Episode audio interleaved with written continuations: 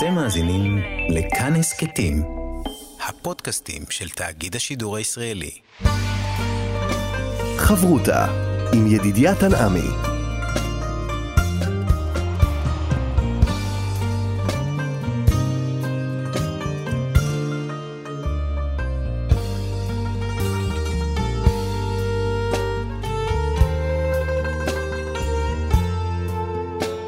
שלום, כאן מורשת חברותא לימוד משותף עם רבנים ואנשי חינוך בנושא תנ"ך, הלכה ואמונה. היום אנחנו לומדים תנ"ך יחד עם הרב דוקטור יוסף מרקוס, מרצה לתנ"ך ותורה שבעל פה במכללת יעקב הרצוג, מרכז ימי העיון בתנ"ך. שלום לך, ברוך הבא. שלום ידידיה. אנחנו uh, נמצאים בלימוד המשותף בפרקי יהושע על סדר הפרק היומי, אנחנו בפרק האחרון, ואנחנו הולכים uh, לסגור את הסיפור של uh, ההתנחלות. נשאר עוד כמה וכמה חבר'ה שמחכים בתור. כן, אז אנחנו באמת דיברנו פעם שעברה על החלק השני של הספר, פרקי ההתנחלות, והיום אנחנו uh, בפרקי הסיום, שמצד אחד יש בהם עדיין, uh, אפשר לומר, uh, סוג של נספחים לפרקי ההתנחלות, ולאחר מכן בסוף הפרידה מישוע. אז בפרק כ', ישוע בעצם מפריש את ערי המקלט, אחר הציווי של משה בדבר בתורה.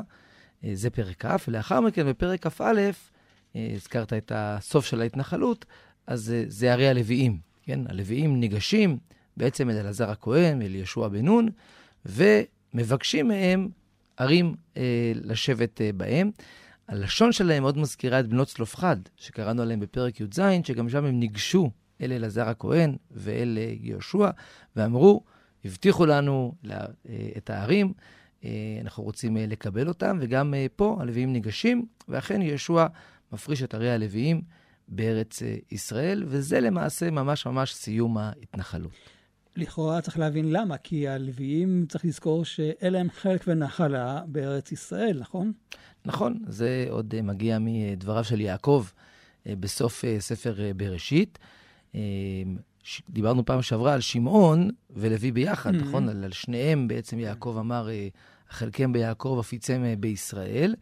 אה, שמעון קיבלו נחלה באזור באר שבע, אבל גם את זה הזכרנו, שלבסוף אנחנו מוצאים בתנ"ך שהם מתפזרים להם, ולוי באמת מפוזרים בכל הארץ. מצד אחד זה איזשהו סוג של עונש, כפי שיעקב אומר להם, אבל ברור שיש בזה גם ברכה גדולה לישראל. יש דברים מאוד יפים שכתב בעניין הרש"ר הירש על אה, שבט לוי, ששוב, למרות שהדבר התחיל עם איזשהו עונש אה, שיעקב אה, מוסר להם, הרי שבסוף העובדה שהלוויים, שהם בראש ובראשונה, ודאי בתנ"ך, אנשי התורה, מוסרי התורה יחד עם הכוהנים, מפוזרים בין כל עם ישראל, הדבר הזה ודאי גורם למתח רוחני גבוה ומשמעותי בקרב בני ישראל.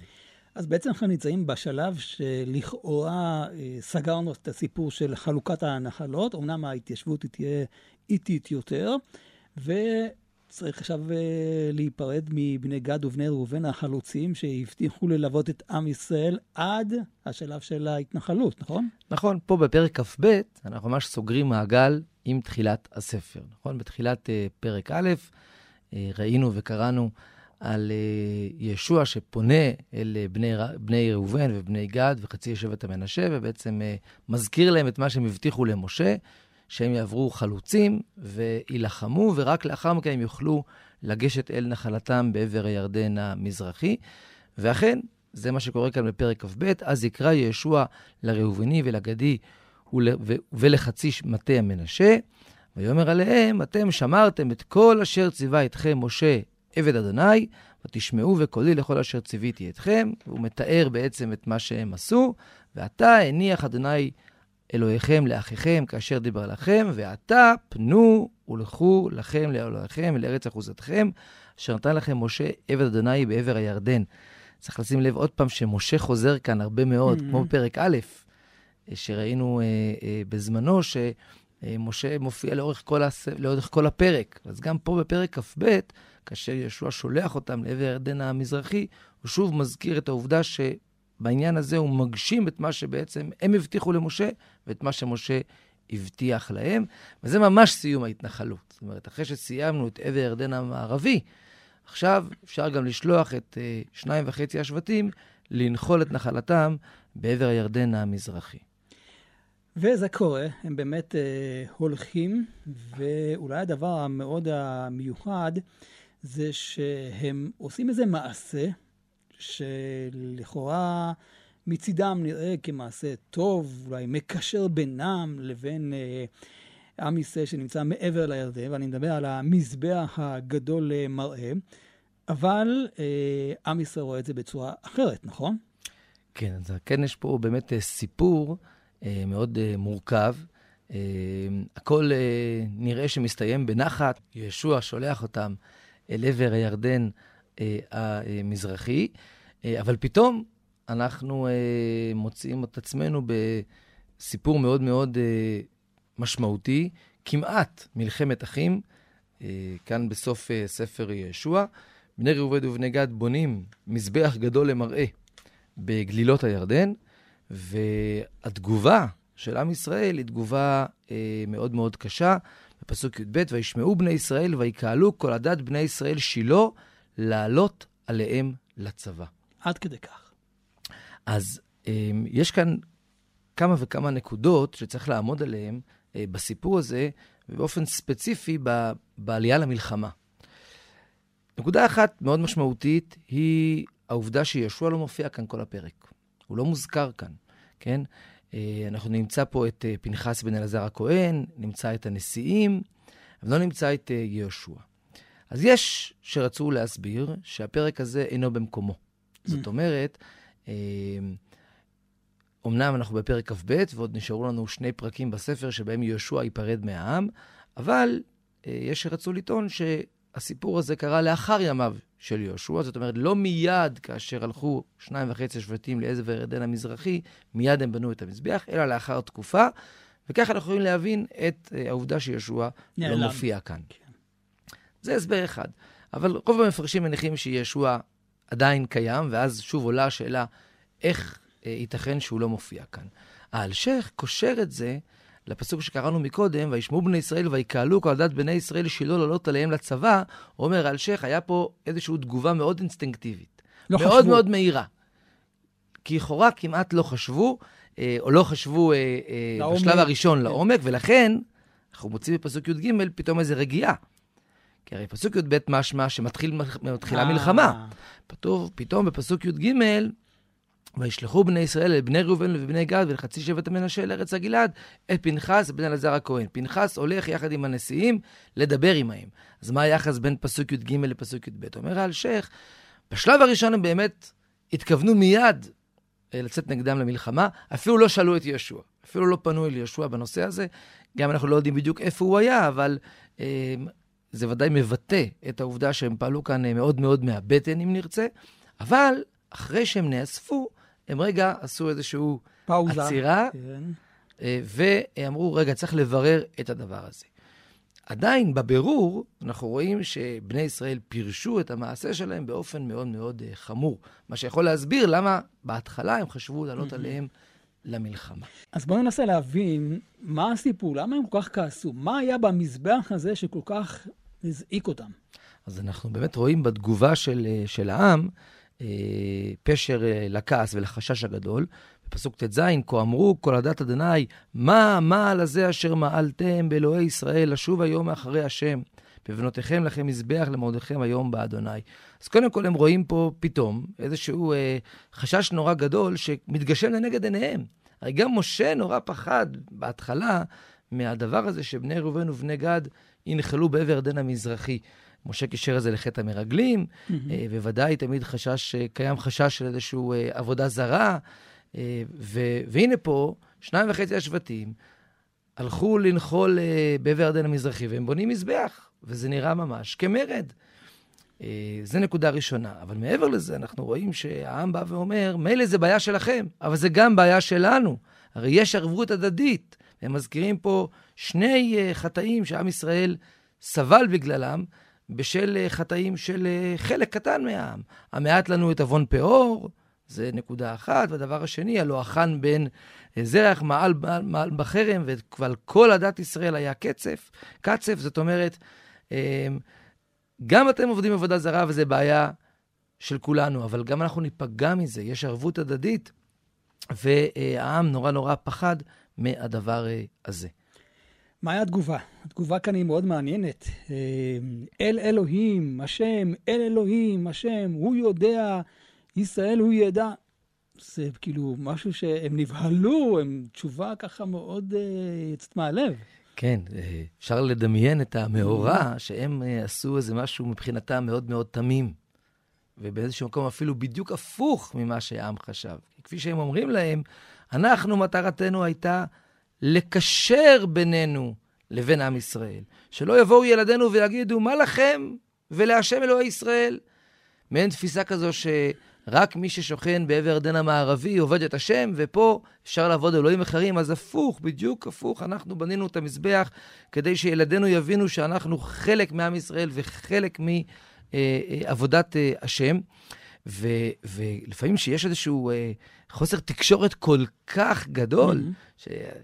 שקבוצה אחת עושה משהו ממחשבה אחת, וקבוצה שנייה מבינה את זה בדיוק הפוך ובאה עם צבא, אז אולי כדי להרגיע צריך קודם כל להגיד מילים מאוד מאוד חזקות ומאוד מאוד uh, בהתרגשות נורא גדולה. כפי שקראת, אל אלוהים אדוני, אל אלוהים אדוני, הוא יודע, וישראל הוא ידע. חס ושלום, אנחנו לא עשינו את זה במרד ובמעל, אנחנו עשינו את זה כדי להיות מחוברים לעם ישראל ולקדוש ברוך הוא. ולכן התיאור של המזבח זה גדול למראה, כלומר, זה לא נראה כמו איזה מזבח של עבודה זרה או משהו כזה, זה איזה מומנט כזה מאוד גדול שכאילו בא ומחבר בין שני הצדדים של עבר הירדן. כן, משהו יותר אה, אה, סמלי. סמלי. אז באמת היה פה איזשהו אה, אה, חוסר בהירות. אגב, זה מאוד מזכיר גם את הסיפור הראשון של שניים וחצי השבטים, או של שני השבטים, בספר mm. uh, במדבר, כאשר גם שם זה התחיל מבקשה שלהם, וממשה שבהתחלה חשש מהם, כן? זאת אומרת, גם פה וגם שם היה איזשהו uh, חוסר הבנה. Uh, שם זה היה משה, ופה זה העם.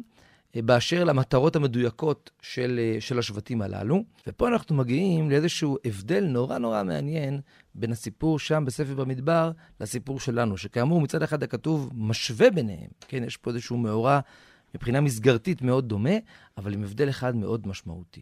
מי שעמד מולם בספר במדבר היה משה רבנו. הוא זה שחושש, הוא זה שמדבר עמהם, הוא זה שמוכיח אותם, והם מגיבים ואומרים, חס ושלום, אנחנו רוצים להיות עם עם ישראל אה, וכולי. אבל כאן אנחנו רואים שמי שעומד מולם זה לא המנהיגים, זה העם. העם הוא זה שמתאסף. אמנם הוא, הוא ממנה אנשים ספציפיים שהולכים ומדברים איתם, פנחס והנשיאים, אבל גם כשפנחס והנשיאים מדברים איתם, הם מזכירים להם את העובדה שהעם חושש, לא הם חוששים, כן? כה אמרו כל עדת אדוני, מה המעל הזה וכולי. זאת אומרת, אנחנו מוצאים פה את עם ישראל מאוד מאוד אקטיבי בחשש הזה.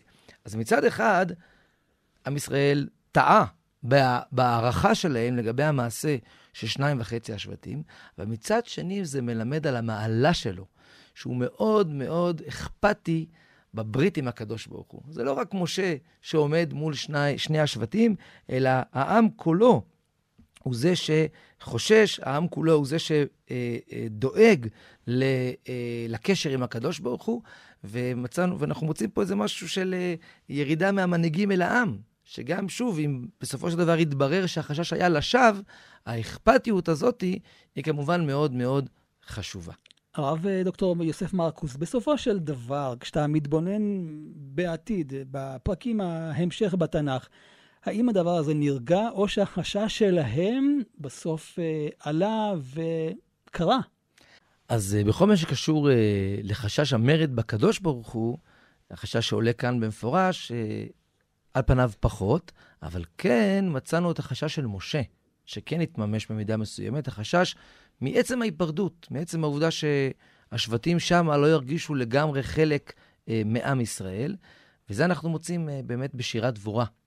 כאשר אה, דבורה מסכמת את אה, אותו, אה, אותה מלחמה או, או את אותה תקופה, אה, ויש לה אה, מצד ביקורת. אחד... ש...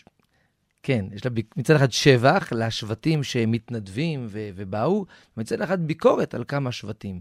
ושבט אחד מרכזי שהיא מזכירה שם זה ראובן, כן, ש, ש, שדבורה שם אומרת בפרק ה', פסוק אה, ט"ו, בפלגות ראובן גדולים חקיקי לב, שהמפרשים מסבירים שה, שהוא התפלג, וכאילו דברה אומרת, אני לא מבינה את זה, אני תמהה על הדבר הזה, למה אתם יושבים לכם שמה בעבר ירדן המזרחי ולא באים לעזור לעם ישראל.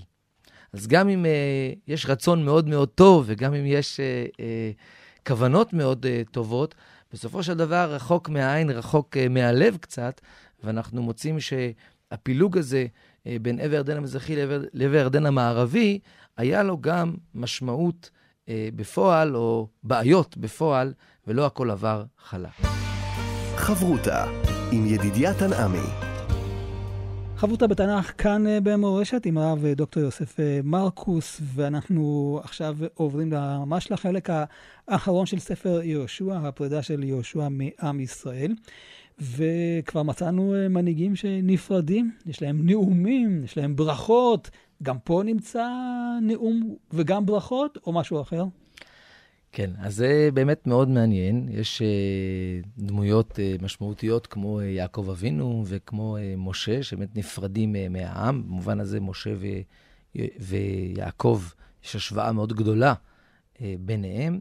כמובן, יעקב נפרד מהבנים שלו, משה כבר נפרד מ-12 השבטים, מהעם שלו, כן? אבל יש גם השוואה מאוד משמעותית. ומעבר לכך, אה, אצל משה אנחנו כבר מוצאים לא רק אה, פרידה שבאמת אה, עוסקת בברכה או בנבואה או באיזשהו מבט כלפי העתיד, אלא גם הרבה עניינים של פרידה לאור הדרך הארוכה שעברנו ולאן פוננו מועדות ו- וכולי. ובמובן הזה, דווקא הנאום של יהושע מאוד דומה, הוא מאוד מזכיר לנו, אם כי הוא קצר יותר, אבל מהפרידה של משה. כי משה באמת נפרד מהעם לאורך כל ספר דברים. ההשוואה ליעקב, זה, זאת הברכה.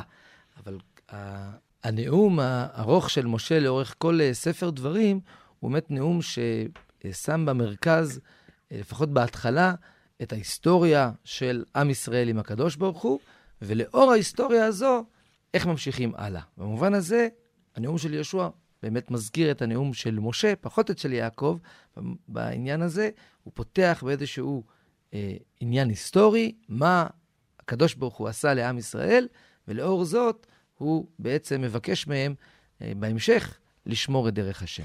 מיקמנו את אה, יהושע בחלק היישומי, הביצועי של הכניסה לארץ, ההתנחלות, אה, עד כמה יהושע סוגר כאן בעצם את הסיפור של משה, עד כמה הוא מזכיר את זה, עד כמה הוא מזכיר את האחריות של עם ישראל. אני נפרד מכם, ובסופו של דבר אין מי שממשיך אותי, האחריות כרגע היא עליכם. נכון, אז בפרקים הראשונים עוד דיברנו על, על השאלה הזו שקצת נשארה פתוחה. למה ישוע לא ממנה mm-hmm. מנהיג אחריו? כן, זאת אומרת, זו שאלה שהיא באמת מאוד מרתקת. אה, משה מינה את יהושע, אומנם גם דיברנו שהוא זה שפנה לקדוש ברוך הוא וביקש ממנו את הדבר הזה, אבל בסוף הקדוש ברוך הוא ציווה אותו למנות את יהושע, ויהושע לא ממנה מישהו אחריו. Mm-hmm. אז האם uh, באמת הזקנים הם אלו שצריכים uh, להמשיך אותו? ויש פה חשש, ודאי, של ואקום כזה, של uh, uh, חוסר uh, הנהגה, uh, שיכול להוביל גם, בין השאר, למקומות uh, לא טובים. וזה עוד סיבה, מדוע ישוע, רגע לפני שהוא נפרד, הוא צריך ככה להזהיר את העם אה, כלפי, אה, כלפי העתיד. יש כאן שני נאומים. מה ההבדל ביניהם? למה בעצם יהושע בא ועושה הפרדה? גם רואים שיש שוני גם במיקום אולי. זה שני אירועים שונים לגמרי? כן, אז באמת פרק כ"ג זה נאום פרידה אחד של ישוע, אה, שלא מפורש היכן הוא נעשה. איפה הוא אסף את העם, זה לא כתוב, רק כתוב, האם ימים רבים אחרי, שיר, אחרי אשר הניח אדוני לישראל מכל אויביהם מסביב, וישוע זקן בא בימים. אז אנחנו מבינים שזה בסוף ימיו של ישוע. אנחנו מבינים גם שזה עבר קצת זמן מאז mm-hmm. שעם ישראל כבר אה, אה, התנחל בנחלות השונות, וישוע אוסף אותם, לא כתוב היכן. זה באמת אה, פרק אה, כ"ג, שהוא אה, גם קצר יותר. ולאחר מכן, בפרק כ"ד, אה, לא כתוב שישוע זקן. אנחנו מבינים כנראה שזה בסוף חייו, אבל זה עדיין מעניין שלא כתוב שזה נעשה אה, לאור העובדה שהוא זקן ומרגיש שהוא הולך למות, אה, מה שכן כתוב כאן זה שהוא אוסף את כל שבטי ישראל אל שכם. ופה אנחנו רוצים מיקום, וגם אה, נאום ארוך יותר, שמסתיים בברית. וזה אולי ההבדל הגדול בין פרק כ"ג לפרק אה, כ"ד. פרק כ"ג הוא באמת איזשהו אה, נאום אה, כללי, שאין בו בסופו של דבר משהו מעשי, אלא רק אה, להפנות את תשומת לב העם לכך שהקדוש ברוך הוא היטיב עמהם לאורך כל הדרך, שאני הולך למות, ואתם צריכים לראות כמה הקדוש ברוך הוא ישפיע עליכם טובה, וכמה אתם צריכים להיזהר מ, אה, אה, אה, מכפיות טובה. ומעבודה זרה. ואילו פרק כ"ד, אחרי הדברים הארוכים שישוע אומר להם ומזכיר להם את ההיסטוריה של עם ישראל והקדוש ברוך הוא, יש גם משהו מעשי, וזה כריתת ברית. כן. בעצם, שוב, זה מקבילה למשה רבנו, שפותח את ספר דברים בתיאור היסטורי, בכל מה שהיה, ההליכה במדבר, ובחלק השני הוא יותר חלק של המצוות, ובסוף כריתת אה, הברית. נכון, זאת אומרת, אנחנו מוצאים כאן בכלל איזשהו אה, אה, מבנה קבוע, או איזשהו mm-hmm. דרך שבה כורתים ברית. בעצם מצאנו את זה כבר בספר שמות, כבר בברית אה, סיני. כאשר עם ישראל אה, ומשה מגיעים אה, אל הר סיני, בפרק י"ט, אז משה עלה אל האלוהים, ויקרא אליו אדוני מן ההר לאמור, כה תאמר לבית יעקב ותגיד לבני ישראל, אתם ראיתם אשר עשיתי למצרים, ואשא אתכם על כנפי נשרים, ואביא אתכם אליי. ועתה אם שמוע תשמעו בקולי ושמרתם את בריתי, והייתם לי סגולה מכל עמים לי כל הארץ. זאת אומרת, אמנם כאן זה מאוד מאוד בקצרה, אבל המצע לברית, כאשר כורתים ברית עם הקדוש ברוך הוא, זה קודם כל, תשימו לב, את הטובה שהקדוש ברוך הוא עשה, עשה לכם. ככה אנחנו מוצאים כאן בשמות uh, פרק י"ט, ככה אנחנו מוצאים גם באמת בספר דברים, בהקדמה ההיסטורית של משה לפני כריתת הברית, וככה אנחנו מוצאים גם פה. זאת אומרת, לפחות חלק מעבודת השם, או חלק מהברית עם הקדוש ברוך הוא, מבוססת על הכרת הטוב. לא רק כפה עליהם הר כגיגית, אלא כן. במובן אה, אה, מסוים, אתם חייבים לקדוש ברוך הוא הכרת טוב לאור מה שהוא עשה לכם. אולי הדבר המעניין שיש כאן דו-שיח בין אה, יהושע ונעם, דבר שלא מצאנו אצל משה. משה הוא הנואם הגדול. הוא לא מדבר אל העם, אין משא ומתן כזה. כאן אה, כן מוצאים שהעם עונה ואומר, חלילה לנו מעזוב את השם, לעבוד אלוהים אחרים.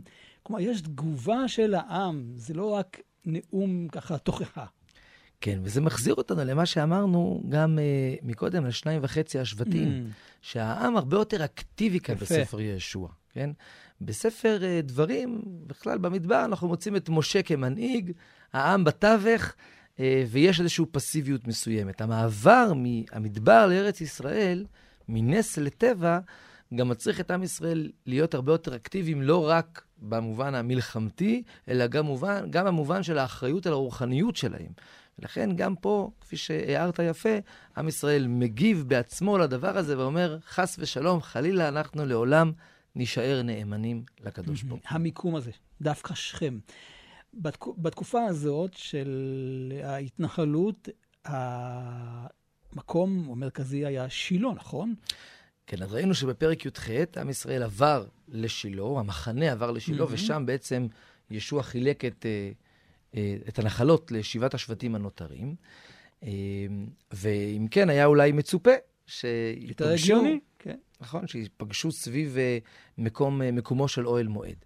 אבל אין ספק שזה מזכיר לנו את הברית הראשונה שכבר נכרתה. מעמד הר גריזים, מעמד הר עיבל. בדיוק. זאת אומרת, הרי עם ישראל נכנס לארץ, יריחו והאי, וכבר דיברנו על כך שיריחו והאי הם סוג של הקדמה לכניסה לארץ, אבל משה ציווה עליהם בספר דברים, דבר ראשון, ללכת לכרות ברית בשכם. אז אחרי יריחו והאי, באמת מגיעים וכורתים ברית, ורק אחרי הברית הזאת שנחרטה בתחילת ימיו של ישוע, הם יצאו בעצם למלחמות, לכיבושים ולהתנחלות בארץ ישראל. והנה אנחנו חוזרים לשכם. שכם זה אזור של ברית. שכם זה מקום של ברית. אה, כי הוא נקודת ההתחלה. הוא נקודת ההתחלה של עם ישראל. יריחו והאי זה רק פתיחה, אבל בעצם נקודת הראשית של עם ישראל זה שכם. אגב, לא רק בספר יהושע, הכל מתחיל בסופו של דבר באברהם אבינו. העיר הראשונה שאברהם אבינו פוגש ובונה במזבח כשהוא נכנס לארץ, זו העיר שכם. כן, גם יעקב אבינו, כאשר הוא חוזר מחרן, גם כן הוא מגיע לשכם. זאת אומרת, שכם, כפי ששמעתי ביטוי בעניין הזה לפני הרבה שנים מהרב יצחק לוי, מישיבת הר עציון, שכם היא שער הכניסה לארץ, לא במובן אה, ממש של אה, הגבול המדויק, כן?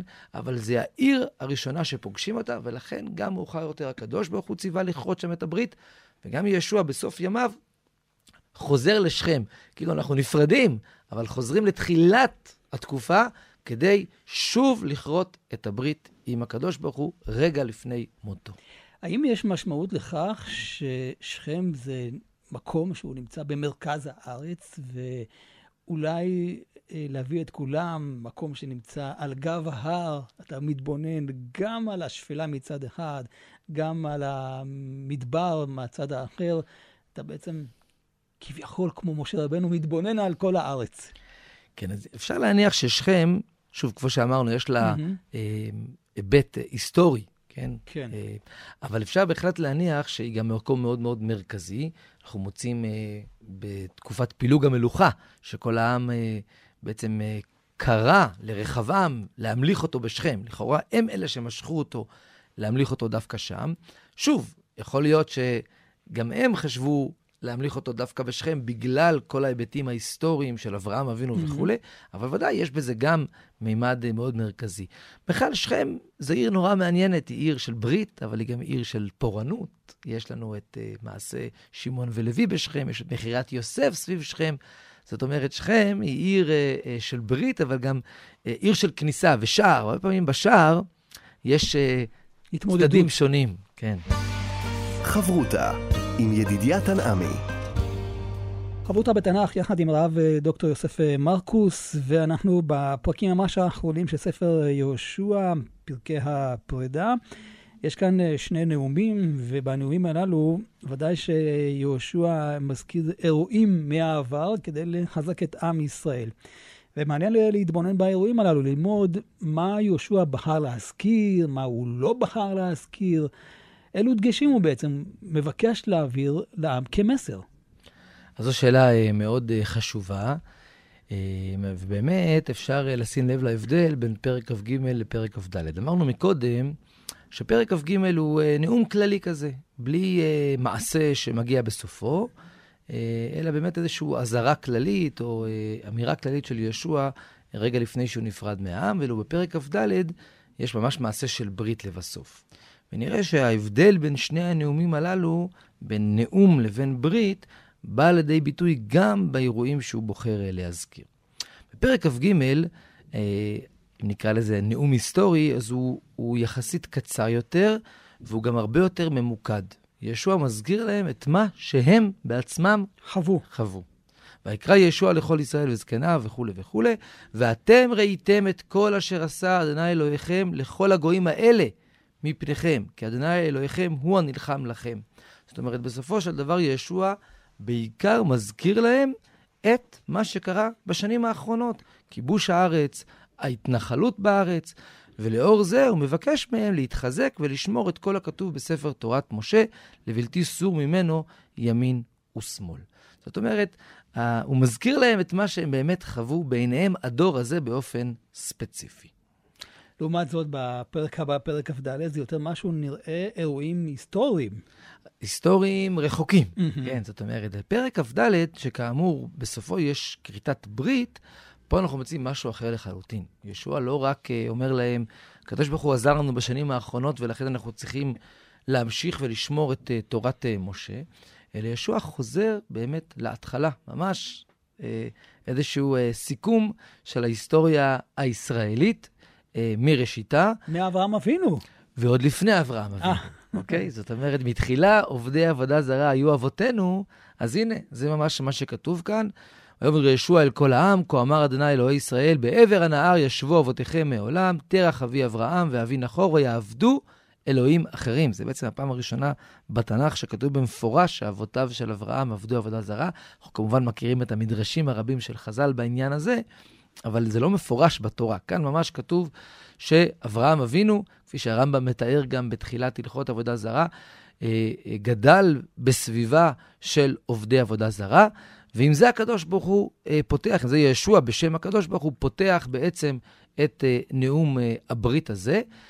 אז זה מתחיל עם עוד לפני אברהם אבינו, ואז הוא מתאר את אברהם אבינו שמגיע לארץ, לאור כמובן הקדוש ברוך הוא שמצווה אותו, ויצחק, ויעקב, והפרידה מעשיו, ולאחר מכן הירידה למצרים, ומשה ואהרון, והיציאה ממצרים. עבר הירדן המזרחי, עוד בסוף ימי משה, בלעם מוזכר כאן, ורק לבסוף כיבוש הארץ. זאת אומרת, חזרנו ממש להתחלה של עם ישראל, ולפנינו תמצית ההיסטוריה של עם ישראל מאז ועד עתה. הוא עושה זאת כדי להדגיש את העבר, את העבודה הזרה של האבות, ואל תחזרו למה שהיה שם? אני חושב שיותר מזה. אמרתי אה, מקודם, דיברנו על זה שהנאומים ההיסטוריים האלה, שמצאנו אותם גם בהקדמה לברית בסיני, בשמות פרק י"ט, וגם אה, בספר דברים, אני חושב שאחד מה, מהדברים ש, אה, שהם באים להדגיש, זה כאמור את הכרת הטוב.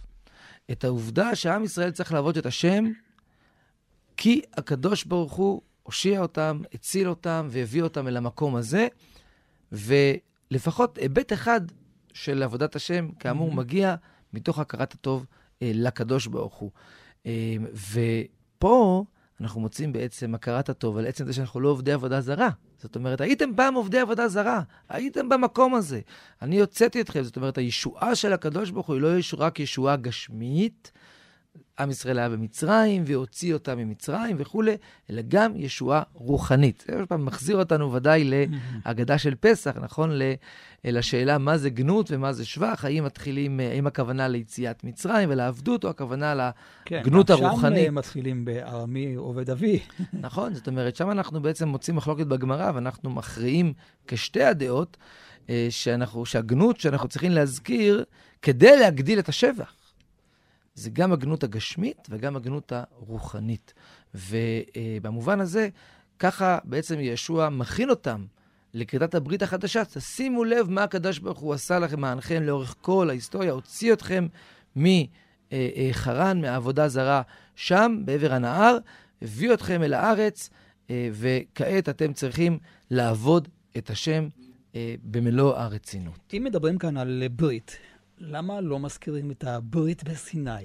זה היה, איך אומרים, הנקודה העיקרית שאליה צריך לחזור. זה באמת נקודה ממש מפתיעה, כן? זאת אומרת, לצורך העניין, לדוגמה, בסוף כריתת הברית בספר דברים, אה, אז הכתוב במפורש אומר, לבד מהברית אשר קראת איתם בסיני. זאת אומרת, הברית בערבות מואב היא המשך לברית בסיני. כאן ברור שזה גם נכון, כי הרי על זה אנחנו מדברים, לשמור את תורת משה. כל הזמן דובר על זה גם בפרק הקודם, אה, בפרק כ"א. והנה באמת, כפי שהערת, כאשר אה, יהושע כאן מתאר את כל מה שעבר על עם ישראל, אז הוא מתאר את היציאה ממצרים, ומשם את הישיבה במדבר ימים רבים, ולאחר מכן המלחמה בעבר הירדן המזרחי, ואז המערבי. וכולנו עומדים טמאים. היכן המעמד הגדול של uh, מעמד uh, של מתן תורה?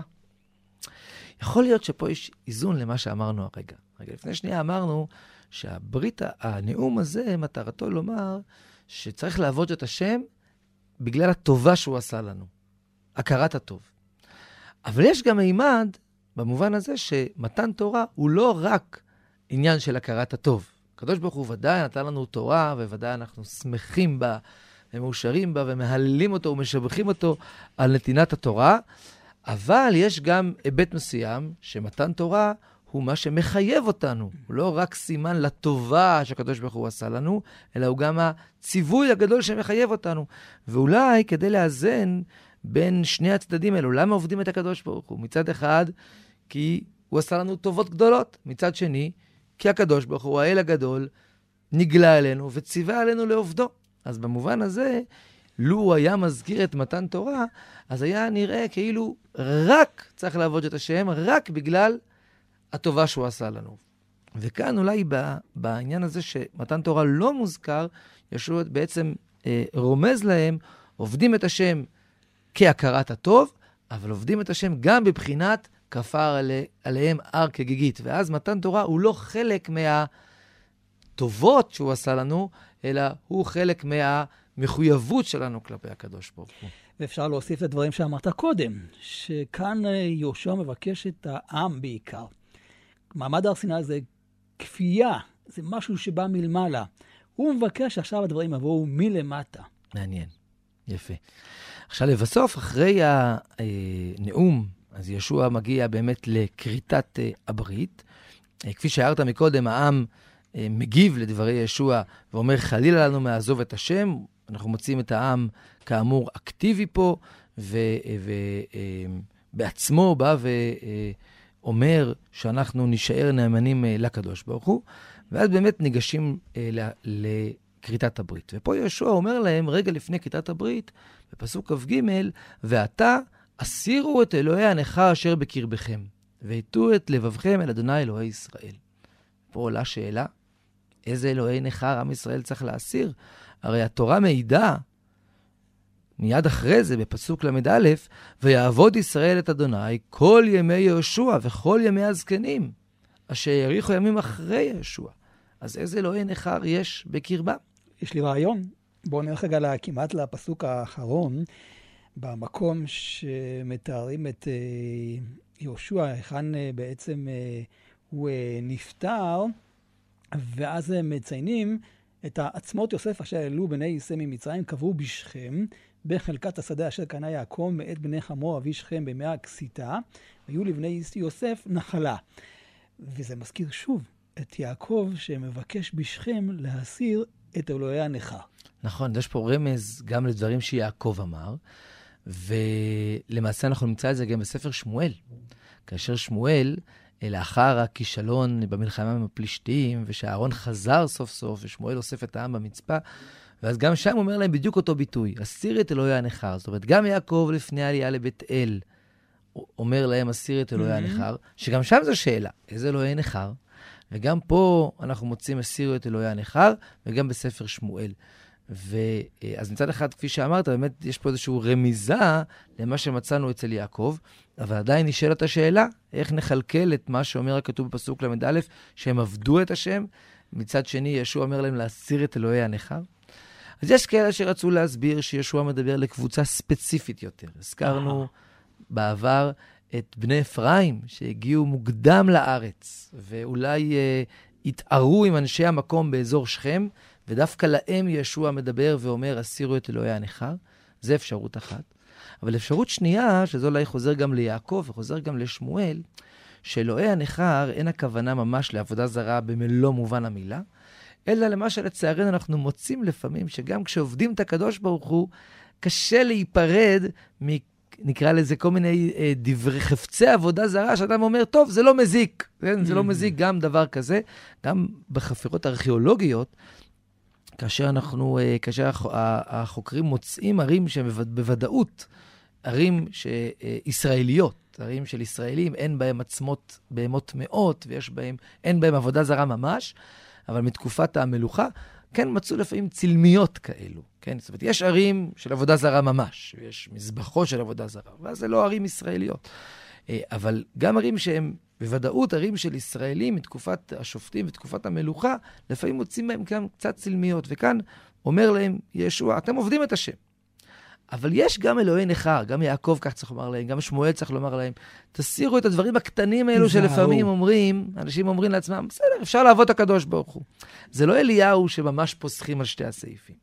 עובדים את השם, אבל יש דברים קטנים שלפעמים אנשים מתקשים לזנוח אותם, וישוע אומר להם, צריך מוחלטות.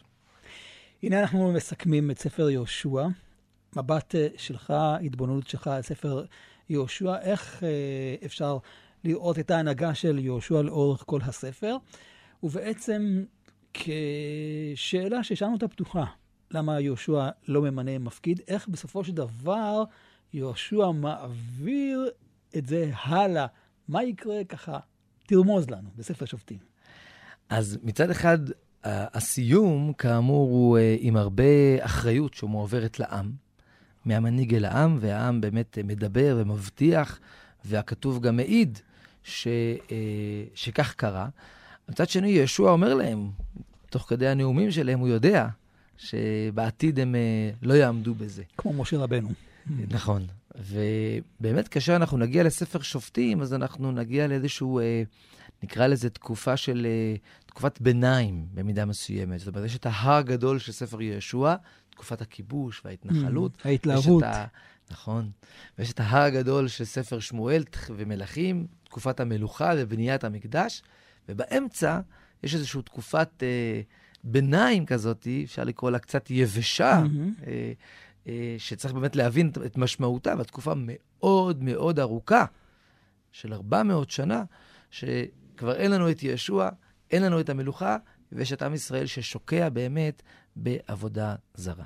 בסופו של דבר, כפי שפתחנו את uh, פרק א', יהושע מגשים את מה שבעצם uh, משה התחיל. Uh, ראינו את משה מאוד מאוד דומיננטי בשם שלו בפרק א', אנחנו מוצאים את משה לאורך כל הספר, כל הזמן יהושע בעצם ממשיך את דרכו, וגם בסוף הספר, בנאומים, בעיקר בנאום הראשון, בפרק uh, uh, כ"ג, שוב משה מאוד מאוד מופיע בדברי יהושע. ובמובן הזה שוב אנחנו חוזרים למדרש היפה של חז"ל, שמשה כפני חמה וישוע כפני לבנה. הרב דוקטור יוסף מרקוס, מוצא לתנ"ך ותורה שבעל פה, מרכז ימי העיון בתנ"ך במכללת יעקב הרצוג, תודה רבה לך על הסדרה הזאת של ספר יהושע. אנחנו עוד נשוב וניפגש בסדרה הבאה בספר שופטים. תודה רבה, ידידיה. וכאן, אה, ידידיה תנעמי, אתם יכולים להאזין לתוכנית הזאת גם באתר כאן אה, מורשת ובכל יישומי ההסכתים. אתם מאזינים לכאן הסכתים, הפודקאסטים של תאגיד השידור הישראלי.